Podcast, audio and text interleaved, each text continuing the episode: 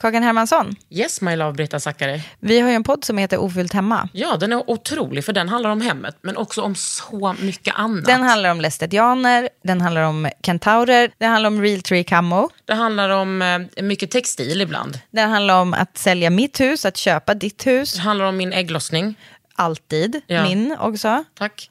Den heter Ofullt hemma och den finns där poddar finns. Hörs i podden, hej då!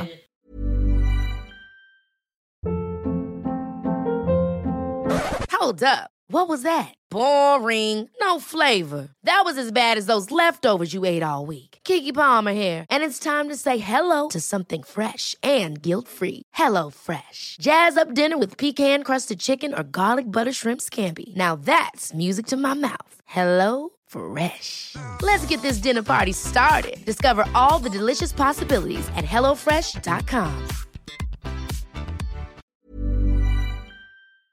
Under huden. Ja, Camilla Läckberg är faktiskt arg med all rätt. Och Hon har skrivit en skitbra bok också och ni vet ju vem det är. Hon behöver ingen närmare presentation. Jag har tryckt in henne här i studion idag. Lyssna och lär. Hej! Det här är en podd från L. Under huden. Med Kakan Hermansson.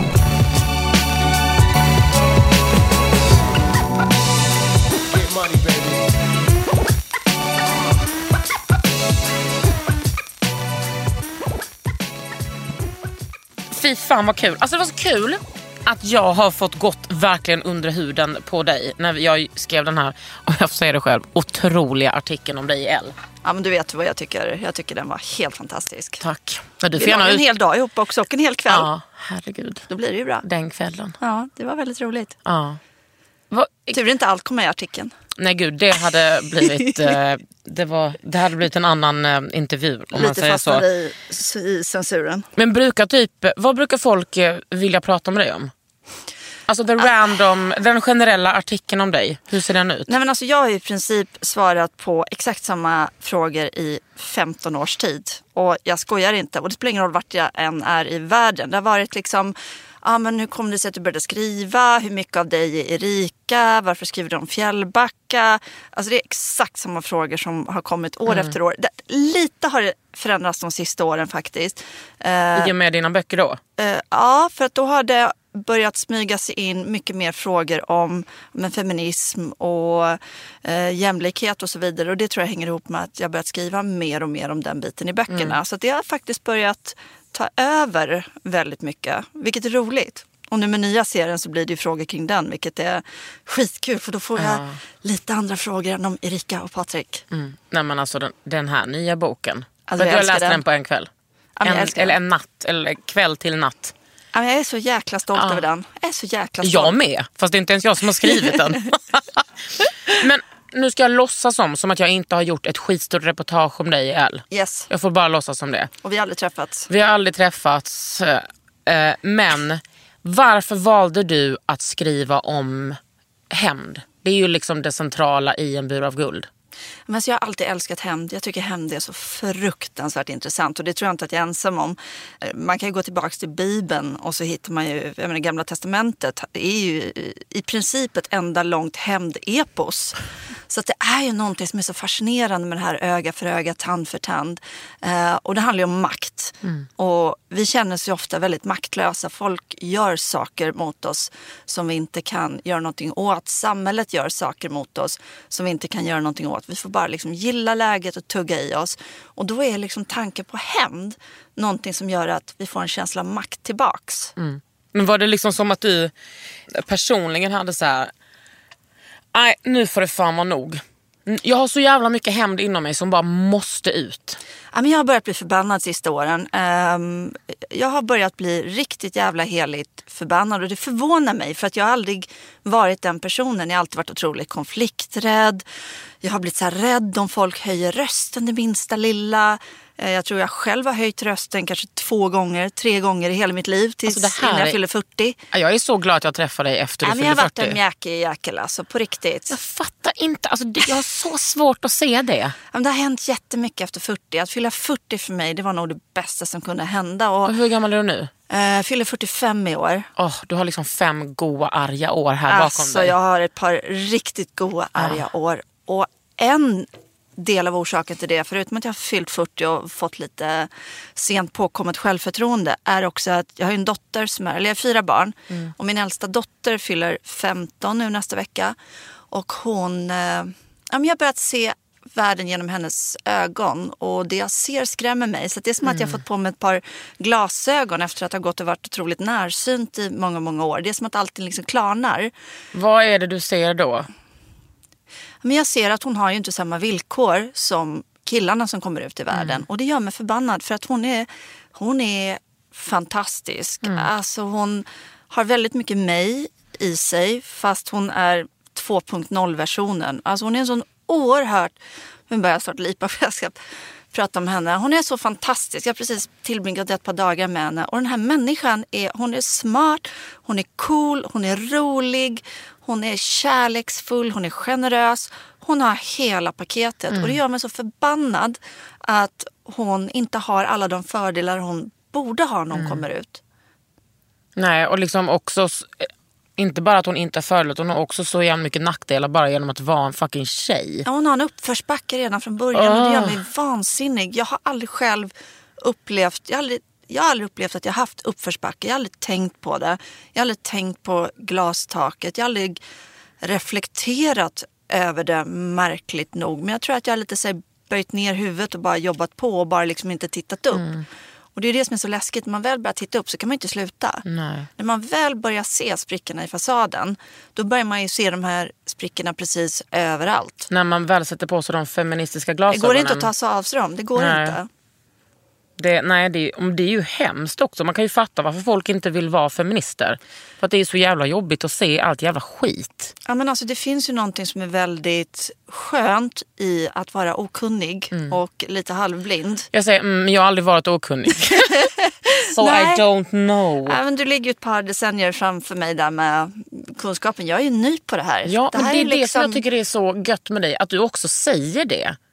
Ja, nej, men jag du- kan inte så mycket om teorin bakom. Jag har inte läst massor om feminism. Jag, jag har börjat nu och jag är också lite grann sådär ibland att jag tvekar när jag använder ordet feminism. För det finns ibland falanger inom feminismen som jag tycker har kapat det ordet på ett sätt som gör att jag inte känner att jag kan identifiera mig med vad de lägger i det ordet. Det dyker upp massa regler eh, från andra kvinnor, från feminister som de Och andra män sätter- också. Ja, män också. Men det är man ju van vid att det är väldigt mycket män som har satt upp regler för hur man ska leva. Och då kan jag tycka så att men då ska inte andra kvinnor komma med och sätta upp en massa regler för vad jag får och inte får göra heller. Nej. Nej, men det är så kul för när du och jag pratar om feminism då har vi så himla olika... Ja, vi står och tittar på, det står som att vi står och tittar på en kristall från helt olika men det är ju också synvinklar. så, alltså för mig har det varit så jävla nyttigt att du pratar om ett liksom typ, ja men en sak som du pratar om, så ska jag säga, är ju liksom eh, någon slags Instagram-feminismen där jag bara va?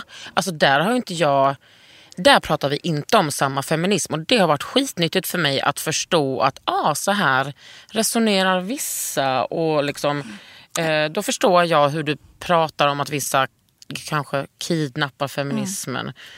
Men Och det är ju inte majoriteten självklart, men de hörs ju ofta väldigt Mm. mycket. Och så blir jag lite förbaskad då när, när jag plötsligt ska bli tillsagd hur jag ska bete mig, Mm. hur jag ska klä mig eller inte klä mig, vad jag ska, om jag ska raka benen eller inte. Mm. Alltså, nu, nu, nu minimerar jag till liksom de här små detaljerna bara. Mm. Men jag har ju också haft lite svårt ibland för kvinnor på grund av att jag har inte mött så mycket manshat under min tid i offentligheten. Jag har ju simmat i ett hav av kvinnohat i 15 års ja tid. precis. Eh, så att för mig har det också varit en kamp att faktiskt fortsätta tycka om kvinnor.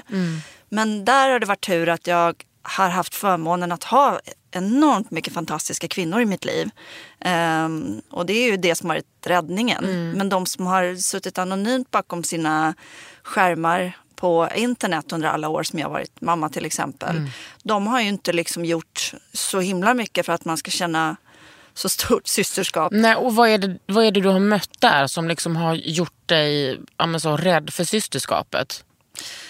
Ja, men mammarollen är det som har varit det stora och avgörande. Eh, det, det blev en slags eh, total vattendelare från att jag blev mamma för snart 17 år sedan första gången.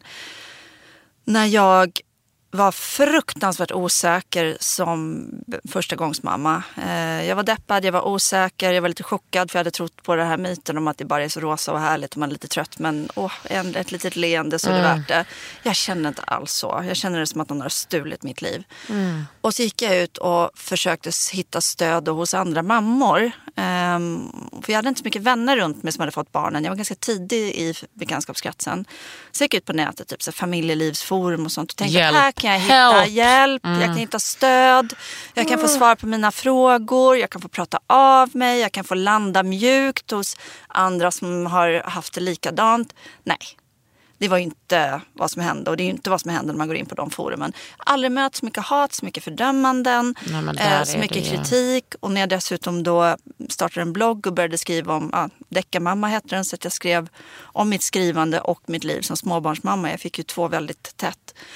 Så nej men alltså det, det, jag har ju blivit kallad allt från barnmisshandlare till så här, olämplig som mor och varför skaffade du barn och eh, i princip allt jag har gjort som mamma har ju varit fel enligt andra mammor. Och också att visst fick du en förlossningsdepression på första? Ja men det fick jag och har väl haft lite släng av det med de andra också men då har jag ändå haft verktygen att liksom hantera det. Men jag var riktigt i skiten med första. De Då första är- tre månaderna ja. var ju ett mörker så att man hade ju behövt få landa hos någon som förstod. Eh, hos en, en annan kvinna, en annan mamma, hos andra mammor som kunde ge råd och tröst. Istället grävde de bara gropen ännu djupare. Och jag har lite svårt att förlåta det ibland. Jag, jag, jag kämpar lite med det. Jag har lite svårt att förlåta de här morsorna som sitter där och tycker att eh, de ska tala om för andra hur de ska uppfostra sina Men de barn. blir ju liksom bara en, en klump som du aldrig kan... Eh, Nej, de är en ansiktslös klump. precis. Och det är skitstörigt. För vem går det ut över när du inte förlåter? Nej, det är bara mig själv. Jag har ju ingen att, Nej. jag har ingen att ge igen på. Liksom. Nej. Eh, Så det skulle vara jättebra ingen- om ni hör av er till Ja. Camilla så hon kan få ut det. Namn och bild och adress Mm. så kan vi snacka lite. Men nu så känns det ju som att du verkligen har fått en nytändning. Att du bara har hittat systerskapet. Ja, men det är jag är lite nykär i kvinnor. Ja. Eh, Underbart. jag, jag är verkligen det. Och det är väldigt mycket tack vare att jag har hittat en, den där själsfrände bästisen sent i livet. Jag har haft jättefina tjejkompisar um, stora delar av mitt liv. Um, jag har haft mycket nära kvinnliga vänner. Men jag har aldrig, och det har legat hos mig, det har inte legat hos dem. Jag har aldrig haft den här relationen som har känts självklar. Jag har alltid känt att ja, de kommer välja bort mig förr eller senare. De kommer att bli kompis med någon annan. Jag får vara glad för den tid jag har som vi är kompisar. Jag Ja, då aldrig... vågar man kanske inte investera heller. Nej, så att jag har alltid liksom känt mig lite, men lite obekväm och lite fel. och lite Så att jag absolut inte legat på dem. De har säkert stått där med armarna öppna men jag har inte kunnat ta emot det. Men så träffade jag Kristina Saliba då för 13 år sedan tror jag det är och började som en arbetsrelation. Eh, och har ju genom åren utvecklat sig till ja, men en systerrelation. Till att ni har vuxit ihop. Ja, och den där totalt självklara. Eh, och det är något speciellt. Ja det är det. Det är något alltså speciellt. ni två ihop. Nej men alltså, Nej, men vi är ju twiddly och twilldam liksom. Vi är extremt olika och ex- extremt lika Mm. och totalt orimliga tillsammans. vad är det med henne liksom som attraherar dig som den där systern typ? Men grejen är att, och det är först nu sista, sista året som jag har börjat analysera vad det är som har klickat så otroligt bra i vår, vår vänskap. För jag har varit så fascinerad av det innan. Vad, vad, vad var det som hände? Och jag tror väldigt det att vi, vi är extremt olika på en hel del punkter och vi har kunnat lära oss väldigt mycket av varandra. Hon är ju fruktansvärt tuff. Hon är ju totalt orädd. Hon är ju totalt orädd för konflikter. Eh, så att ibland när vi har haft möten och sådär och hon ska liksom börja ta i med hårdhandskarna och förhandla eller någonting. Då, då har ju hon så bett mig att du ska nog gå ur rummet nu. Eh, För annars kommer du be annars henne och kommer jag, den- ja. ja. annars kommer jag sitta och ha jätteångest och mm, typ sitta och be om ursäkt bara. Ehm, och hon har lärt mig att himlen trillar faktiskt inte ner för att man säger ifrån. Eller att man säger nej. Eller att man faktiskt blir förbannad ibland. Jag har alltid haft någon känsla att men gör jag det så kommer hela himlen att trilla ner. Och jag har märkt av henne att nej, det gör inte det. Men varför har du trott det? kom, du kommer inte från liksom ett br- bråkigt Nej, hem? nej, nej, nej, gud nej. Däremot var mina föräldrar var väldigt viljestarka. Och vad betyder det att- då? Viljestark? Nej, men de var, de var väldigt så auktoritära, liksom, starka, temperamentsfulla. Eh, säga, starka personligheter. Och jag tror att med två sådana Mm. så blev liksom min överlevnadsstrategi var att göra mig lite liten och göra mig liksom lite medgörlig. Alltså jag var ju det snällaste barn som någonsin har Mm. existerat. Jag har ju aldrig höjt rösten till mina föräldrar. Alltså, jag har aldrig ens varit i närheten av ett jävla kärring eller gubbjävel eller någonting. Liksom. Nej, nej, nej, nej, nej. Alltså, Gud, jag fick ett dåligt samvete direkt till mina föräldrar när du säger så. I was Fast det a bad girl. nyttigt. Fast det hade kanske varit nyttigt ibland. Men jag liksom Mm. valde att, ja, men då gick jag in på mitt rum och satte mig och läste istället. Såklart. Ja. Så att jag tror att det är därifrån. Och jag har lärt mig så mycket av Kristin om att liksom våga sätta gränser och våga säga ifrån och våga bli lite tuffare. Eh, och jag har lärt henne att vara lite mjukare. Eh, för att jag tror att hon också med åren med mig har förstått att jo, fast ibland så fångar man faktiskt fler flugor med honung än med flugsmällar. Liksom. Mm. Det, det, man behöver inte alltid gå på i 120 i krigs, med stridsvagn. Liksom. Jag tror också att du har lärt henne att lyssna. Ja, och lite så här, nu tar vi ett djupt andetag. Mm. Och för hon kan ju smattra på i Ja. kulsprutefart. Ja, men jag tror också liksom att hon med hennes bakgrund, att hon är så van vid att alltså, ska någonting bli gjort så får hon göra det själv. Ja, ja. Och det är därför det är så jävla gött att umgås med kvinnor. Att man kan så hjälpa varandra. Ja. Och när man förstår det, att kvinnor inte är fiender som vi har vuxit upp att lära oss. Då, alltså, då är det ju party. Ja. Då är det ju fest. Ja, ja, ja. Men vågar man, hittar man någon där riktigt bra och vågar liksom släppa in dem så jäkla vilken styrka det är. Och så. det märks ju så sjukt mycket i din bok. Ja. Nej, men det, är ju väldigt liksom mycket kärlek inte- till kvinnor i ja, den också. Man kan, ju- och, eh, och att man är så här... Vad heter, vad heter det ordet nu? Alltså villkorslös liksom, trygghet, att man litar på... Att man alltid, man vet att den andra alltid, alltid, alltid finns där. Att Mm. trillar man så finns den andra där och fångar upp en. Alltså jag vet en gång när eh, efter skilsmässan, ah, den andra då, jag har ju samlat på mig några stycken. Eh, Menar, du, menar du han som från, du från hade, Martin. alltså, som, han som du hade frikort på? Ja, precis. Åh, Gud. Det, alltså, vet du, jag berättar det för alla jag träffar. Jag får inte ha frikort efter det. Nej, men du måste berätta om det. Nej, men Du var alltså gift det, först med en annan. Ja, och, och ehm, jag var ju tillsammans med stora barnets pappa. Det var ju under Robinson-perioden och det gick då. Eh, programmet Martin. Och han var ju mitt frikort efter det då. Jag var Ja. väldigt förtjust i honom. Du tyckte han var så Eh, sexig. så att han var mitt, mitt frikort under många, många år. Och det hade din man inga problem med? Nej, nej, nej. Alltså frikort, man får ju ha frikort liksom. Så. Jag kommer inte Ja. ihåg vem, vem han hade, men jag tror det var en amerikansk skådis, Mm, skådespelerska. sådär, liksom. ja. Man måste ju ta någon som är närmare, fattar inte det? Nej, men jag tyckte att det kändes ju Ja. väldigt ouppnåeligt ändå. För jag pluggade ekonomi i Göteborg. Han var, du vet, Ja. liksom, det var inte direkt så jag trodde att that's gonna happen. Liksom. Mm. Så att han var mitt frikort under väldigt, väldigt många år. Så att sen när vi blev ihop då, jag berättade det för Martin, så han bara, okej, det, det blir inga fri, frikort nu bara så du vet. Liksom. Det, Så det, det är, är, faktiskt så väldigt jävla roligt. sjukt. Det är faktiskt väldigt roligt. Ja, vänta, nu skulle du säga efter din andra skilsmässa. Ja, men då, då, var det en, eh, då hade jag en eh, period där ja, men det var liksom det var deppigt. Jag hade skitmycket jobb, man skulle in med barnen och liksom jag var stark i skilsmässa men jag hade en period där man så här fick en svacka. Liksom. För mycket jobb, räckte inte till till barnen och huset blev liksom kaos. Eh, och Kristina då, hon vet ju liksom hur jag funkar och hon såg liksom samtidigt den här paniken, att inte hinna med allt. Och då kommer hon hem liksom eh, och drar på sig gummihandskarna och så här rensar och städar skafferiet. Alltså, vem gör en sån sak? Åker hem till en pool. Nu älskar hon att städa i och för sig. Så att, ja, men alltså bara en sån grej. Och det kan verka som en otroligt liten grej för någon utomstående. Mm. Ja, jag tycker att, en det är kompis enormt. faktiskt kommer hem och gör en sån sak. Alltså det, det, det är svårt att förklara den tryggheten. Mm. En sån har jag också, Amelie. Hon packade ihop hela min lägenhet. Ja. Och Lisa, men hon rensade hela mitt förråd. Det Ja. var mycket skit där. Ja. Ja, Den fan, polare som gör den polare som flyttstädar eller flyttar Åh. åt en. Det, det är det tråkigaste som finns, ja, det bara gör dem. Alltså det är det värsta som finns. Absolut det värsta som finns. Men du, du och, alltså ni är ju liksom bästa kompisar och sen så är ni partners. Ja, ja, vi jobbar ihop. Ja. Det var också sån här när vi började jobba ihop där för 13 år sedan. Fan, är det så länge sedan? Ja, det är så länge sedan. Det är skitlänge sedan. Ja. Och eh, ja, då var det ju jättemånga som sa att men, två brudar kan inte jobba ihop. Det här kommer aldrig funka. Två brudar kan inte jobba Vem ihop. sa det? Ja, men det var så allmänt liksom så här, man fick små kommentarer att ja, men, se, det kommer aldrig funka. Liksom. Också för att ni höll på med investmentbolag? Inte då, utan det, det började vi med för två år sedan. Utan då var det, Just det, hon skötte ju- min PR-verksamhet och sen har det vuxit efterhand. Liksom, och vi har, våra affärer har vuxit ihop allt mer.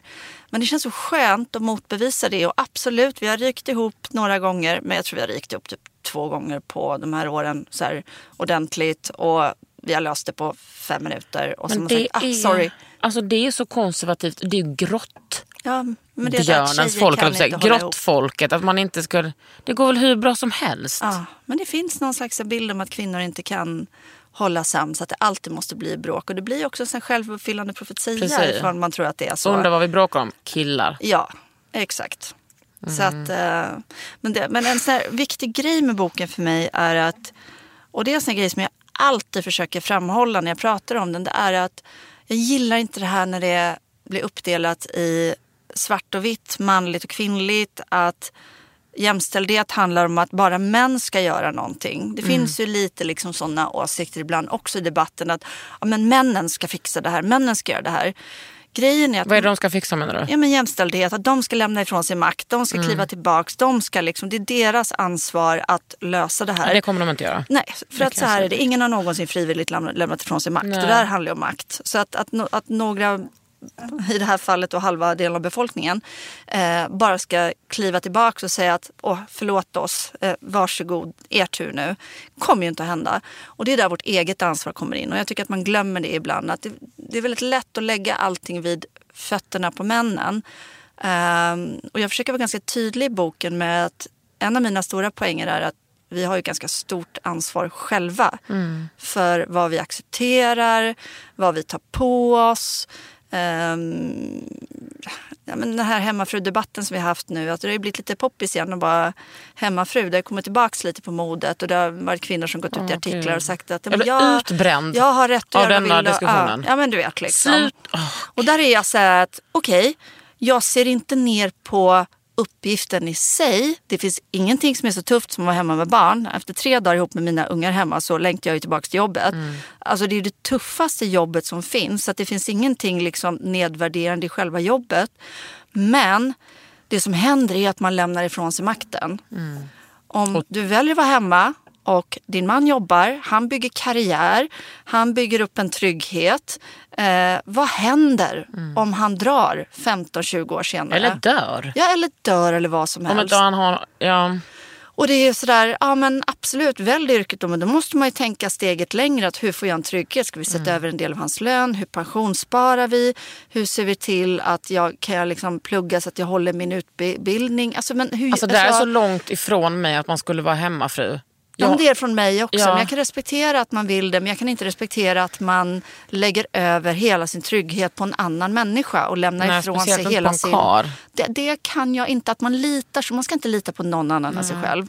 Det låter jättecyniskt. Nej men det är också så himla intressant att så här, om, om, eh, när, när du tänker på feminism, feminism, då tänker du på detta. Om jag tänker på feminism, då tänker jag liksom på något helt annat. Ja. Men det är det också... Eh, Det är därför man måste ha de här diskussionerna. Ja, det så är att också man det som är liksom- lite gött. Ja. Jag tänker bara på typ miss, kvinnomisshandel, prostitution och annat sånt mörkt. Fast grejen är att absolut, det är de värsta sidorna av diskrepansen mellan män och kvinnor och män är våldsammare än kvinnor betydligt högre grad och så vidare. Problemet är att många av oss kommer aldrig i kontakt med just den biten av kvinnohatet och så vidare. Men de flesta av oss kommer inte i kontakt med prostitution.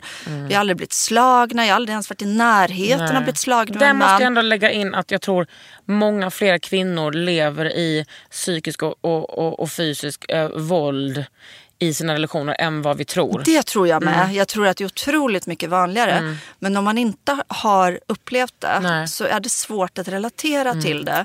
Och då tycker jag att det är lika viktigt att prata om den här vardagsojämlikheten. Jag menar det här som att kvinnorna tar större delen av föräldraledigheten. Sen tar vi de flesta vabbdagarna för Mm. Sen att han har hunnit glida 100% före. Sen jobbar vi. Och, och där är ju, det är där vi också hamnat i en fälla. För att vi har absolut tillskansat oss rätten att komma ut i arbetslivet. Eh, och det, det var ju liksom ett stort kliv att vi också fick tillgång till arbetslivet. Pro- Problemet är att vi inte sluppit lika mycket av hemarbetet. Nej, nej, vi jobbar dubbelt så mycket. Ja, och vi är familjens projektledare. Och det är där vi hamnar i en fälla att vi inte kommer ikapp. Och, alltså jag, jag är så fascinerad av det här. Jag följer ett konto som heter Mansbebisar som är väldigt bra Åh, för att det tar upp det här med liksom vardagsojämlikheten. Du håller inte med? Jo. Ja, ja, ja, ja, jag bara här, jag bara va? När jag läser mansbebiskontot. Nej men alltså det är så... då, vet du vad jag tänker då? Då, då, då blir jag cynisk. skilj er, skilj er, skilj er. Ja. Hur fan kan ni vara tillsammans med de här fucking männen? Ja. Och, vet, och jag, ska inte, jag ska inte vara så dömande. Men man blir så, är de, alltså hur fan är det fatt? Ja, men det, alltså jag blir så upprörd när jag läser det kontot. Och det är de här sakerna. godis. Nej, men alltså det är den här liksom vardagsojämlikheten. Det här att okej, båda jobbar, man har småbarn. Mannen tar sig rätt att så här, ah, gumman på söndag så ska jag golfa med polarna. Så att jag sticker vid åtta, jag kommer väl hem vid sjutiden. Eh, bra om maten är klar så vi kan käka då typ. Vilken kvinna drar iväg en hel dag på helgen när man jobbar heltid och har småbarn. Nej, det är då det ska liksom sorteras tvätt. Det är då det, man är ute och ligger på knäna i rabatten och håller på och rensar. Det är då det ska förberedas bak till en jävla föräldrafika på måndagen. Eller så, så är man lite ledig men har jättedåligt samvete. Ja, och skyndar sig iväg på någon fika och sen skyndar sig hem igen och ungarna hinner mässa och fråga var är du när kommer du hem? För de vet att det är liksom mamma man går till. Och det här, det finns en bok också som jag älskar som heter Familjens projektledare säger upp sig. Eh, som jag också älskar. Som talar så otroligt mycket om det. Och det, det här är också så dubbelt att män tar inte för sig. Men vi måste ju för fan också kräva lite grann. Om man är gift med en ingenjör eh, eller vilket yrke som helst. Men säg att du är gift med en så här universitetsutbildad smart människa. Eh, så borde väl han kunna räkna ut att barnen kan behöva nya kläder när det blir vinter. Men det är där- eller? där och tänker lura här- ut vilken storlek de har. Nej. Hur svårt ska det vara? Men det är där jag tycker, ska verkligen kvinnorna behöva säga till? Där blir jag ju så här, är du tappad bakom en vagn? Räkna fucking ut. Ja, ja, jag vet. Ja, jag är där- tillsammans där- med någon man, så det ja, men där, ju- så där blir det så halleluja. dubbelt. Att å ena sidan så tycker jag så att snubbar, vad fasiken, hur kan ni se, stå och se på? Hur kan ni vara när ni har en nöjda? fru som sliter ut sig. Hur kan ni liksom bara Nej. låta det hända och inte tycka att jag kanske borde kliva in och avlasta henne här. Mm. Och som sagt, och tjejer, men vad fan. Gör det inte det. Och så där, där gör det under protest. Att man suckar och gör det. Men jag har Det liksom... biter inte. Jag har, typ en för, jag har väldigt stor förståelse för kvinnor som är passivt aggressiva. Att kvinnor bara tar och tar och tar och tar och till slut så tar det stopp. Nej, men jag är ju den. Ehm, en, en av mina makar, nu ska vi inte hänga ut någon här, men en av mina makar hade en tendens att slänga sina kläder överallt i hela huset. Bara liksom där han stod. Ytterjackan kunde liksom åka av på golvet vardagsrummet mitt av. Så det låg liksom såna här spår av kläder överallt. Och, du vet, och jag tjatade och jag tjatade och jag tjatade. Och så plockade jag upp det och så tjatade jag. Ja, men du vet, så här. Och så var det bara en dag, du vet den här, ja, men den här falling down liksom. McDonalds är stängd, man ska beställa, beställa en frukostburgare liksom. Ehm, och är det bara brast, det bara samlade ihop alla hans jävla kläder som låg spridda på golvet i hela huset och slängde ut det i rabatten eh, utanför huset. Och så hängde jag upp ett par av hans kalsonger på ett kvastskaft som stod utanför entrén precis också. Så att alla kunde se. Ja, ja. Underbart. Det var där jag landade liksom. Vad och då var blev det bättre. Ja, men då, han kom ju hem och bara, oj, förlåt liksom. Blev det bättre en vecka? Det blev bättre en vecka eller två eller tre och sen började det ju sakta droppas kläder igen. Liksom. skilde det är det dig. här, den här Sisyfos-sysselsättningen som bara äter upp en och sådär att tjata. Alltså höra sig själv tjata är så hemskt. Och den här frustrationen det tar att behöva tjata och tjata och tjata. Nej Camilla. Vi är lite omvänt hemma nu dock för jag är slarvigare än Simon. Så där är det han som får hålla på och tjata. Ah, han känns så jävla... Så att jag, jag måste skärpa mig där lite faktiskt. För det, det, där måste jag faktiskt säga att det är det jag som är lite... Men låt det bara vara så Camilla. Ja, jag vet. Jag vet. Men då känner jag så att då kan inte jag uppföra mig likadant. Man måste ju, jag kan inte ha dubbelmoral. Så. Ja, nej, nej, nej. Du behöver inte vara likadan. Men det kan vara skönt för dig att inte vara den tjatiga ett tag. Ja, nej, det är skönt. Det är väldigt skönt. Mm. Under huden. Hey, I'm Ryan Reynolds. At Mint Mobile, we like to do the opposite of what Big Wireless does. They charge you a lot, we charge you a little. So naturally, when they announced they'd be raising their prices due to inflation, we decided to deflate our prices due to not hating you. That's right. We're cutting the price of Mint Unlimited from $30 a month to just $15 a month. Give it a try at mintmobile.com slash switch. $45 upfront for three months plus taxes and fees. Promo rate for new customers for limited time. Unlimited more than 40 gigabytes per month. Slows. Full terms at mintmobile.com. Hold up. What was that? Boring. No flavor. That was as bad as those leftovers you ate all week. Kiki Palmer here, and it's time to say hello to something fresh and guilt-free. Hello Fresh. Jazz up dinner with pecan-crusted chicken or garlic butter shrimp scampi. Now that's music to my mouth. Hello Fresh. Let's get this dinner party started. Discover all the delicious possibilities at hellofresh.com. Jag och Simon tränar på samma gym. Vet du hur Du har coolt en det liten crush på eh, min man också tror jag. Nej, Nej, på hans som han dansar med. Fast du gillar, du gillar min man. han som man... Han- Jag det är dans- älskar förlåt, din kille. Jag kallar det din dansare. man. Ja, men det är det jag menar. Men, alltså, men det, Det är det jag menar men med vet crush, också, jag, inte- jag tror också att det är för att du pratar så himla gott om honom. Så när jag träffar honom, jag bara va? Men gud det här är världens bästa person. Jag sa det till honom också. Jag bara, tror verkligen att du är världens bästa människa. Han bara, nej, nej men det är jag inte. Jag bara, Han blir jättegenerad om man säger sånt. Men han är lite Ja. så old fashion. Alltså, han är Ja. ensam barn. Hans föräldrar har liksom uppfostrat honom så här, Ja. ganska strikt. De är jäkligt jämlika. Alltså, det är så Ja. fantastiskt att se de två tillsammans. Och han har ju vuxit upp Ja. att se det. Att det är ingen av dem som har gjort mer än den andra. ja det är coolt. Han ser så ung ut Simon. Ja, han, har, Otroligt ung i ansiktet. ja, men han ser väldigt liksom pojkaktig ut så. Grattis. Tack. Du, en fråga som jag brukar ställa till personer som är här som är offentliga personer. Det är du. Mm. Hur eh, liksom skadad eller påverkad har du blivit av att vara en offentlig kvinna? Alltså att synas mycket, höra, alltså vara liksom mycket på bild och i tv och sådär. Jag har aldrig faktiskt känt mig särskilt besvärad av det. För dels så tycker jag att det är ett gigantiskt ilandsproblem. Jag tycker alltid lite så lustigt när folk som är så här kändisar gnäller över att de är kändisar. Man bara, jo fast om du slutade vara kändis imorgon så skulle du vara desperat och ha panik liksom. Eh, så det är mycket poserande med det här gnället över hur jobbigt det är att vara offentlig person. Och jag tycker också att det hänger ihop med... Ja, men jag tycker det. Jag tycker det. Vad fan, gnä- alltså sorry liksom. Buhu liksom.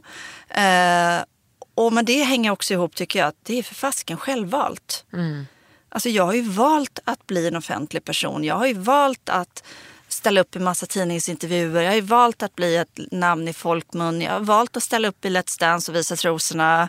Gå ner i ormcellen i Fångarna på fortet. Det är ingen som har tvingat mig till det. Eh, och jag har ju fått vara med om oerhört mycket roligt tack vare det. Jag har fått träffa fantastiska människor, många som har varit mina idoler innan jag själv blev offentlig. Och jag har fått vara med om fantastiska upplevelser.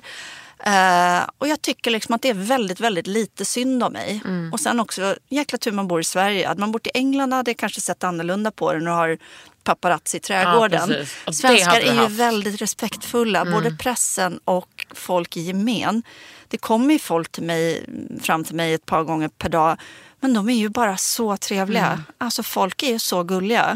Nu har i och för sig folk slutat att kommentera någonting om böckerna. För det är alltid så här, små gulliga damer som kommer fram till mig. Och innan var det så här, åh jag tycker så mycket om dina böcker. Nu är det så här, åh Polly är så gullig. Ja, så det att mina blir böcker mer är liksom... eh, personligt liksom. Ja. Och sen brukar jag ju ofta, så nu är jag lite fixad och eh, finklädd och sminkad och så där, för jag skulle träffa dig idag. Detsamma. Eh, Ja, vi är så snygga idag. Snofsa till sig lite grann Ja. då. Men annars så privat ser jag ju ut som sju svåra år. Jag orkar ju aldrig sminka ska ner till Konsum eller, och jag går ju i mina mysbyxor. Ja, Jag, du går, jag går ner i pyjamasbyxor Ja. med Musse Pigg ner till Konsum och foppatofflor Du liksom. hade på dig någonting otroligt, som ett par byxor som du hade köpt i en inredningsbutik förra gången vi sågs. Just det, vilka var det? Mm. Det var de där ja, de där med ser- svarta med eh, medaljong. Ja, men det ser lite, lite här, typ Versace ut. Precis, precis. Lite så. Och de gick du ändå ut i sen. Ja, ja, ja. ja. Och Uggs typ till. Ja, ja, ja. Absolut. Fet stil.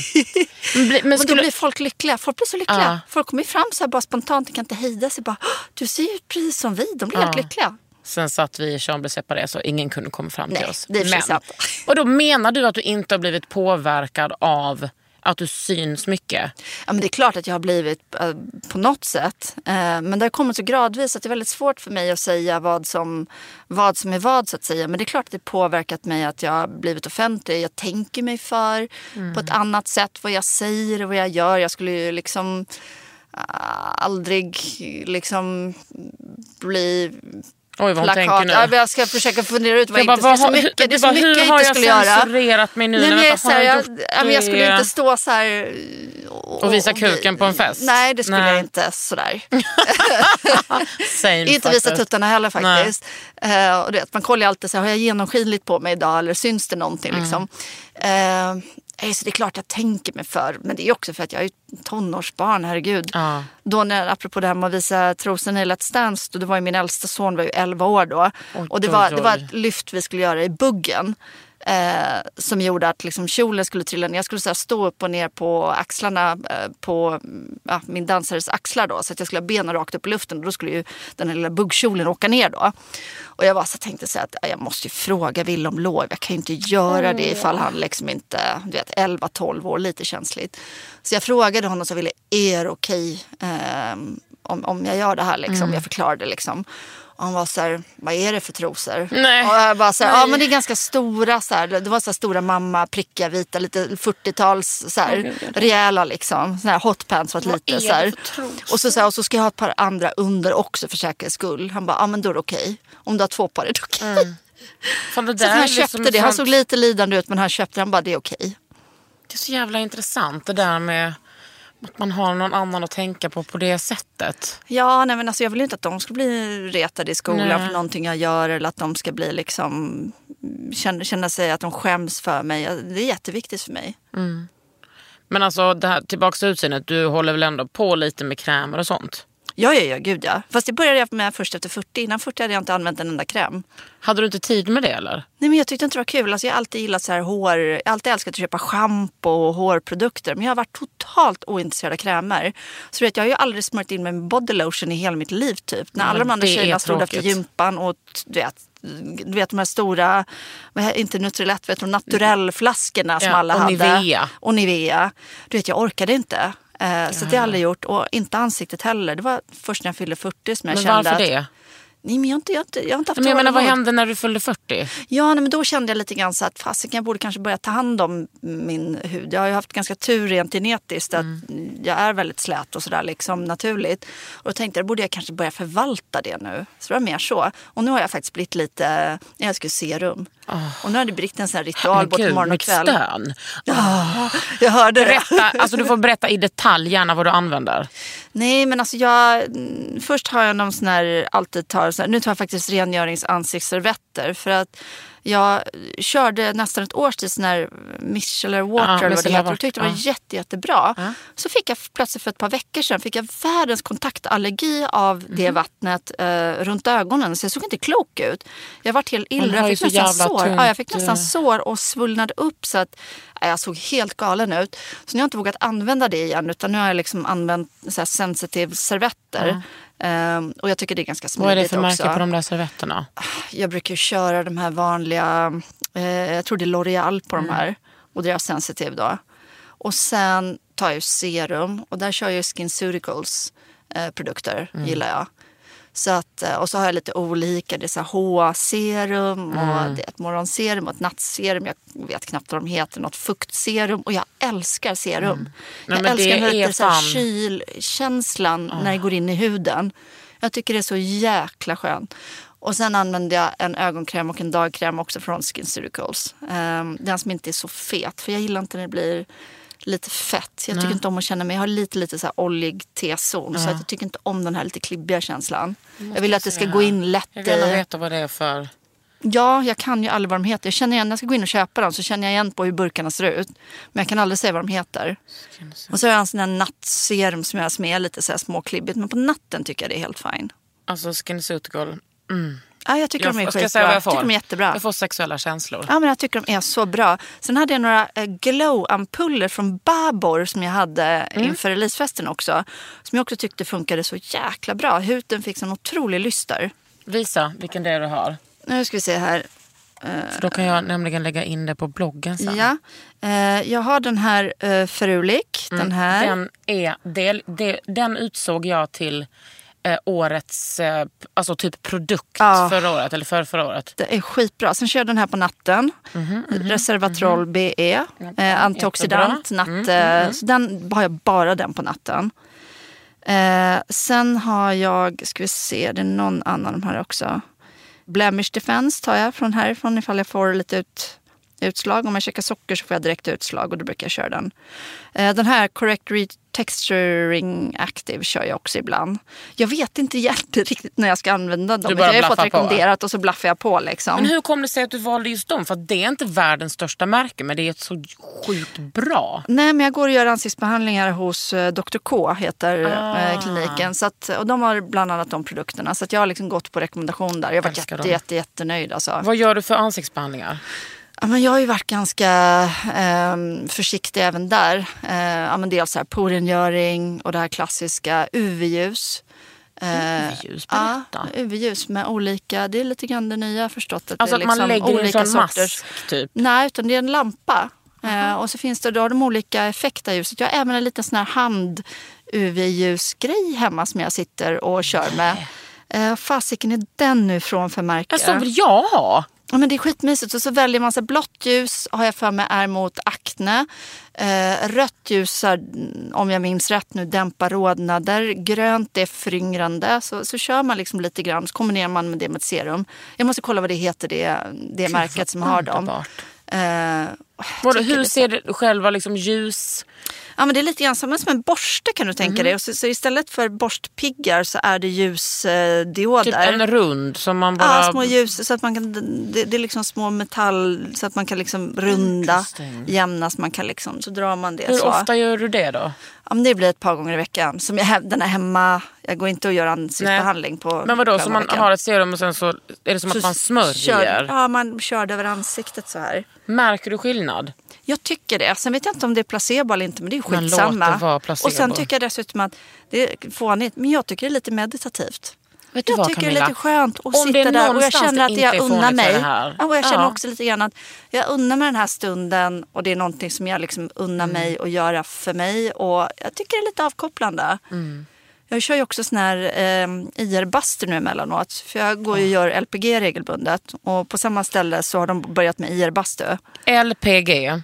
Det Alltså är när man det- så här fettsuger kroppen på typ slamprodukter va? Ja, alltså man fettsuger ju inte. Utan Nej, de, det är så här lymf, de jobbar med lymfkörtlarna i kroppen. ja. Så att eh, Och du så dränerar kissar ju man dem. jättemycket. Ja, så får du Ah. ut massa slaggprodukter. Och det tycker jag är fantastiskt. Gör det ont? Nej, det, utan det är jätteskönt. Och grejen är den att jag hatar ju massage.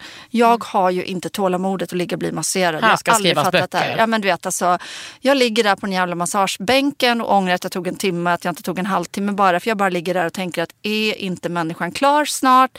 Eh, och jag bara vill få tag i en dator och jobba och jag ligger och har så att göra-listor i huvudet. Så jag har aldrig fattat den grejen, hur man kan somna, hur man liksom kan koppla av. Med LPG, alltså jag somnar på fem minuter. Det är något helt annat. Man har ju sån här kroppstrumpa på och så är det liksom... äh, Det, det, och det började, man tog ju fram det från början för brännskadepatienter. Det var ju en läkare som jobbade med brännskadepatienter. För man gjorde det här för hand. Man fick ju mycket snabbare läkning när man gjorde den här lymfmassagen. Men det var väldigt, väldigt tungt för det går ju djupt ner i bindvävnaden. Och eh, då uppfann han då en apparat för att kunna göra det här istället för att, kunna göra, istället för att behöva göra det manuellt. Och det var rent medicinskt från början. Eh, men sen upptäckte ju skönhetsindustrin då att det hade ju effekter även för liksom, ja, men slanka ner och celluliter och allt det här. Och då blev det liksom stort även inom skönhetsindustrin. Men det har från början en medicinsk effekt. Och vad, är, vad händer med din kropp? Du kissar mycket. Ja, men alltså det, det är lite grann som ett strykjärn som så här bara stryker ut. Man får liksom så här minskar, minskar måtten. Ehm, det blir jämnare. Ehm, ja, det är svårt att förklara. Hur Det ofta en gör du det då? Jag är lite perioder, just nu hinner jag inte. Eh, Men när jag hinner så försöker jag, har jag försökt gå en gång i veckan och då gör jag det kanske i två månader. Sen kanske det kommer en period på två månader igen där jag inte hinner. Så att, men det med- är ingenting som, alltså resultatet håller ju. Jaha, Så men det hur, långt, hur mycket ska man göra? Äh, Det är väldigt individuellt. Man säger för att få resultat så bör du gå i alla fall 8 till 10 gånger. Vad kostar det? Eh, Det kostar nu kommer jag 23 inte- miljoner Nej, sålda det böcker. gör det Boom. inte. Men det, det är väl ungefär samma som massagepris. Aha, mhm. Och så Fan, brukar det jag köpa paket så att det att blir testa. billigare om man köper ett paket Var går tio du? gånger. Eh, måste jag kolla. Men det är inte hos hon uh, Heat by... eh, Jo, det är där. De, de Ja. sitter där. De sitter där vid nummer 18 där. ja, precis. Heat Men by kolla. Sophie. De heter...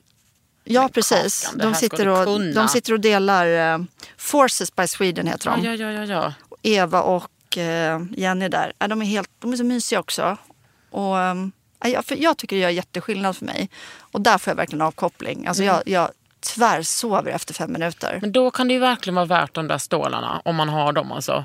Ja, och jag blir också lite nördig. Jag börjar läsa på väldigt mycket. Jo, men jag började läsa det. på om det här det var ju med en lymfsystem. som tar Men en jag väldigt vet, djupt jag blir i så nördig. bindväven. Jag blir så nördig. Men det är också så här, lymfsystemet är ju någonting som är lite outforskat område i kroppen. Det görs inte så mycket forskning på Jag kan det. mycket om det för min syster hade lymfcancer. Ja, då Så förstår jag att du. Ja. Och det är ju så här, det, är, det är ju det som rensar slaggprodukter i kroppen. Så att när det kloggar igen, alltså det påverkar ju otroligt mycket i kroppen. Så jag tror Klipps till stenhårt. att någon snart kommer Fej hålla på med en sån här lymfdränage. Alltså Mm. såklart, såklart. Hon ligger snart där i en kroppstrumpa. Alltså jag, jag har så mycket känslor för henne. Ja, men jag älskar henne också. Sen, sen, stora utmaningen för mig var att hon gör ju en del saker som inte är speciellt sympatiska. Eller? Så jag kände ju det att hon... Jag har Ja, inga problem med vad hon gör. Nej, men hon, hon gör ju en del saker som ligger utanför normen Mm. för hur en kvinna får bete sig. Eh, det var faktiskt en läsare som sa till mig, hon kom på signeringen och hade redan läst boken. Mm. sa hon så att, att det var väldigt intressant så, för att jag blev väldigt provocerad först när jag läste den av Faye. Jag blev väldigt provocerad och tänkte men gud vad hemskt, du kan uppföra sig så här och kan göra såna här saker. Och sen stannade jag upp mitt i den tanken Mm. Och sa till mig själv att men vänta nu, om jag hade vänt på det här och, och hon varit en man, hade jag reagerat på samma sätt Mm. då? Hon bara, nej, för jag läser tre sådana böcker i veckan om män som uppför sig på det här sättet. Mm. Eh, så det är så normalt och jag är så avtrubbad för det. Och det är så provocerande just att en kvinna gör Mm. de här sakerna och det var min avsikt också. Men jag behövde fortfarande liksom skapa en karaktär som som man fortfarande ändå kan gilla fast hon gör saker som är väldigt unlikable. Mm. Det var den stora utmaningen. Men, eh, men det var väl liksom som en strategi som du hade? Ja, men jag hade en väldigt tydlig bild av hur jag ville att hon skulle vara och vad jag ville, att, vad jag ville säga med henne också. Men jag har alltid varit väldigt försiktig med det här att i första hand ha ett budskap. Jag tycker alltid att berättelsen måste få komma först. Eh, jag har lite svårt själv för när jag läser böcker och märker att okej, här har man bara konstruerat en historia för att få fram en poäng. Och då tycker jag man tappar så mycket. Det måste alltid finnas en god historia i grunden. Eh, sen kan man baka in väldigt mycket. Hade du en bild av Fej av vad du skulle liksom fylla henne med? Ja men det hade jag. Hon var väldigt, väldigt tydlig för mig. Och hur, hur såg den bilden ut? Alltså jag hade ju två fej i huvudet. Eh, först hade jag ju den här fej som jag mäter i början som är precis på botten. Som är ganska patetisk faktiskt. Eh, och som man nästan ska känna en liksom frustration och ilska över. Att man fan ställ dig upp, res på dig liksom. Men också en Ta den här förståelse. skiten. Man fattar samtidigt. Man har varit i liksom, mikrodelar av de situationerna själv. Och tagit det och man förstår varför och hur det blir så. Det är ju ingenting som händer över en natt. Den här nedbrytningen, det är ju det. Utan det är ju liksom så här vardag efter vardag, timme efter timme.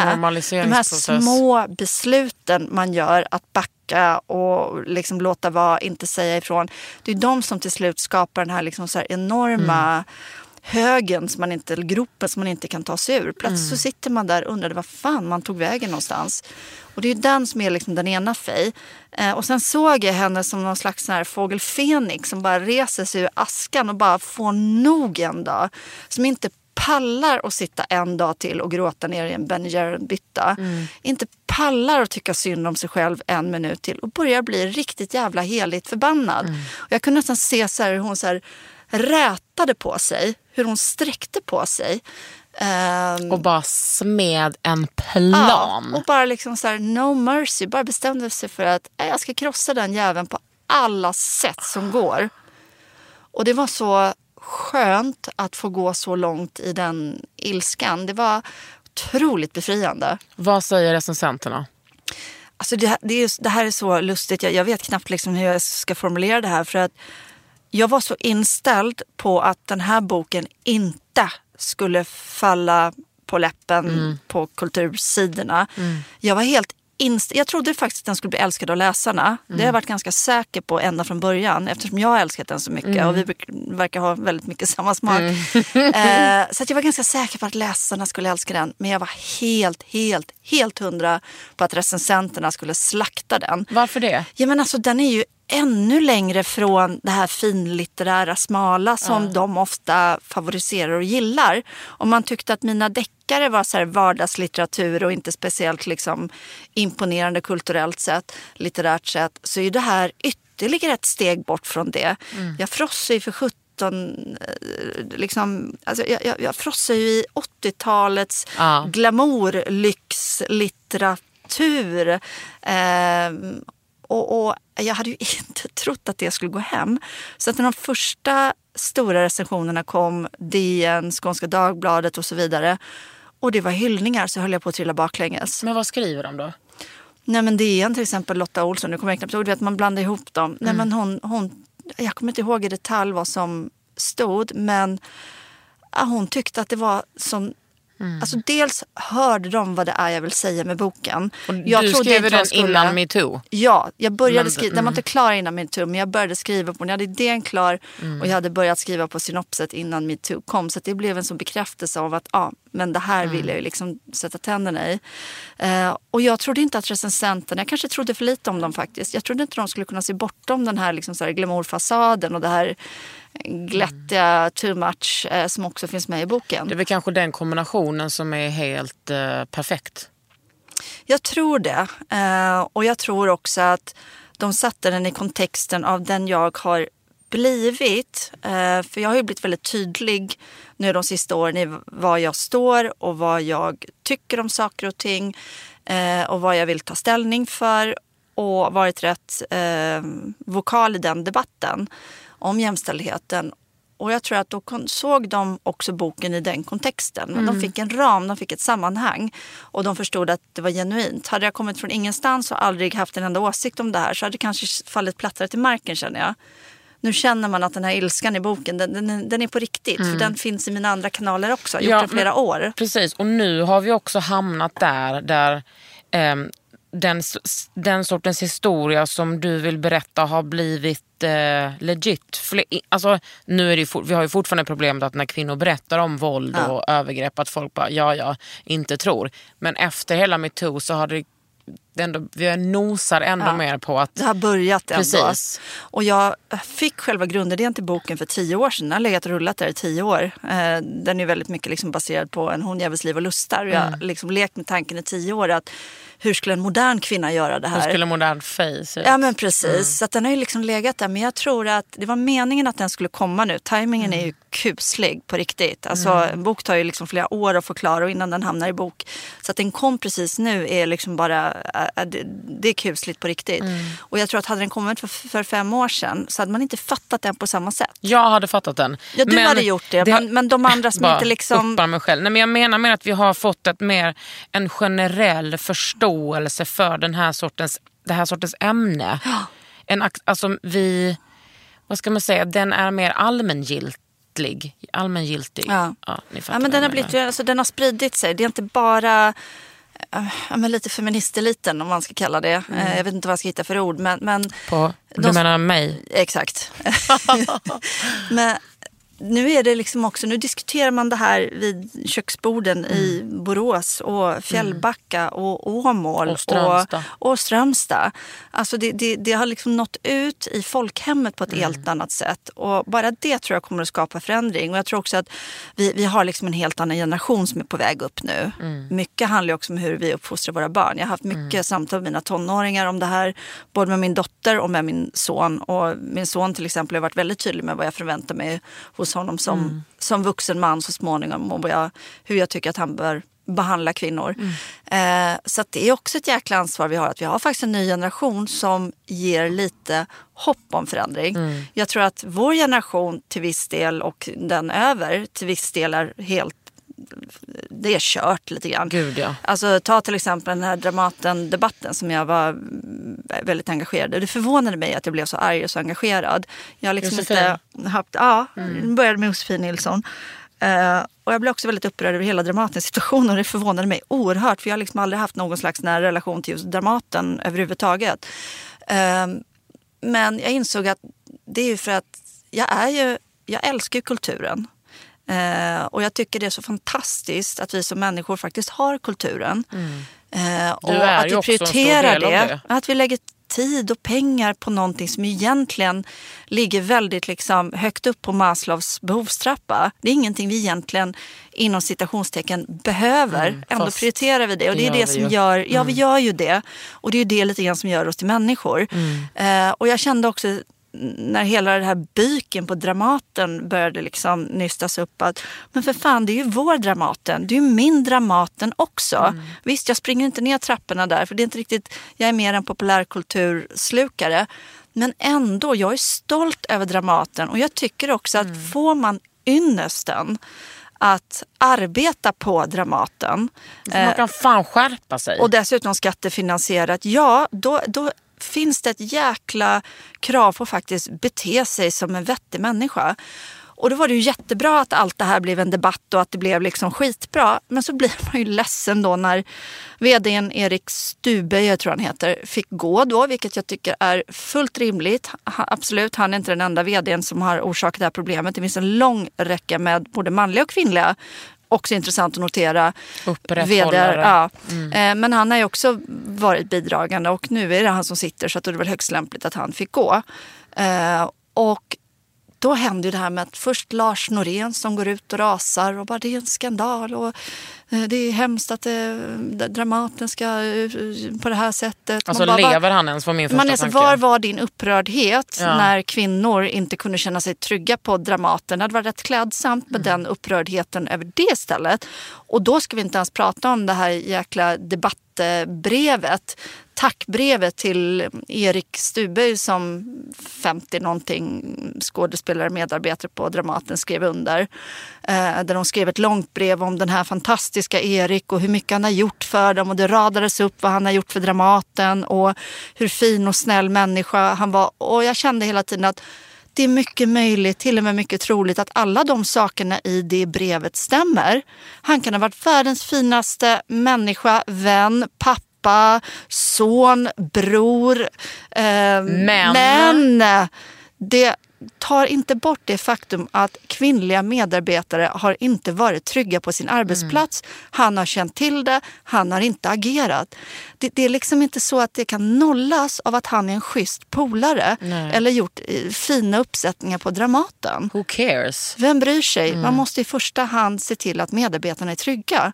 Och jag vill bara säga att alltså, Julia Duvenius har ju varit fantastisk i den här debatten. We see you Julia Duvenius. Och Ah. Josefin, we see you in heaven alltså. Oh ja, oh fan ja. vad vi och ser hon, dig. satt i, alltså hon startade ju det här Mm. och jag får så här, ja, men jag får rys. Jag och min dotter var ju på ljusmanifestationen och det var så fint. Det fanns Mm. ingen det fanns inget eh, fult, aggressivt, det var ingen pöbel med högafflar.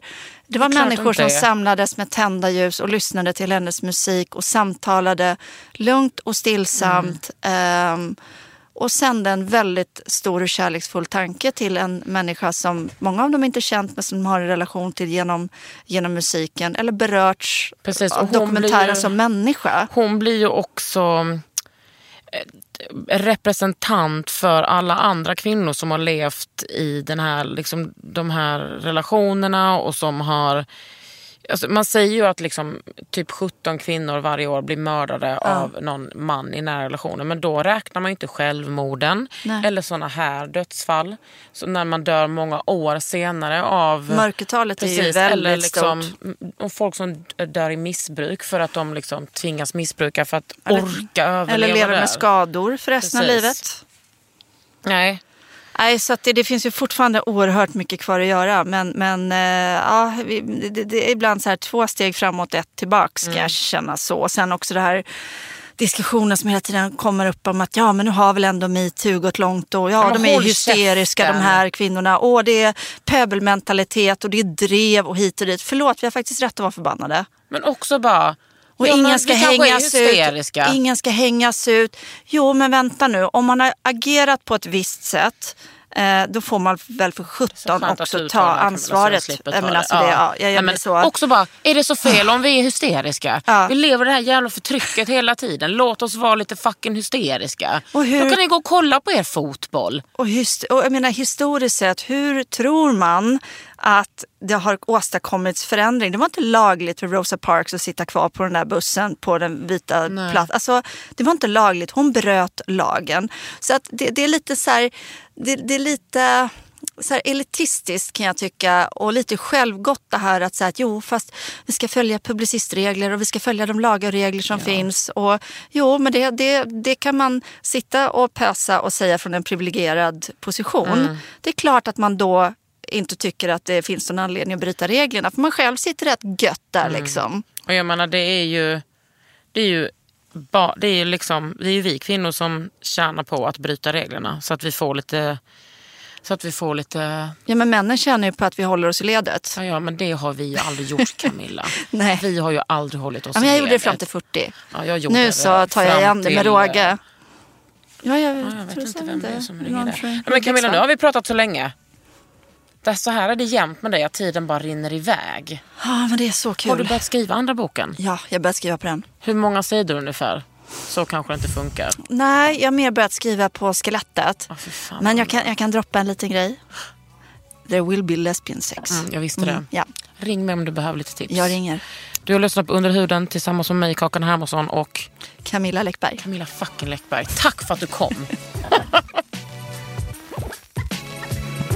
Under huden med Kakan Hermansson. En podd från L.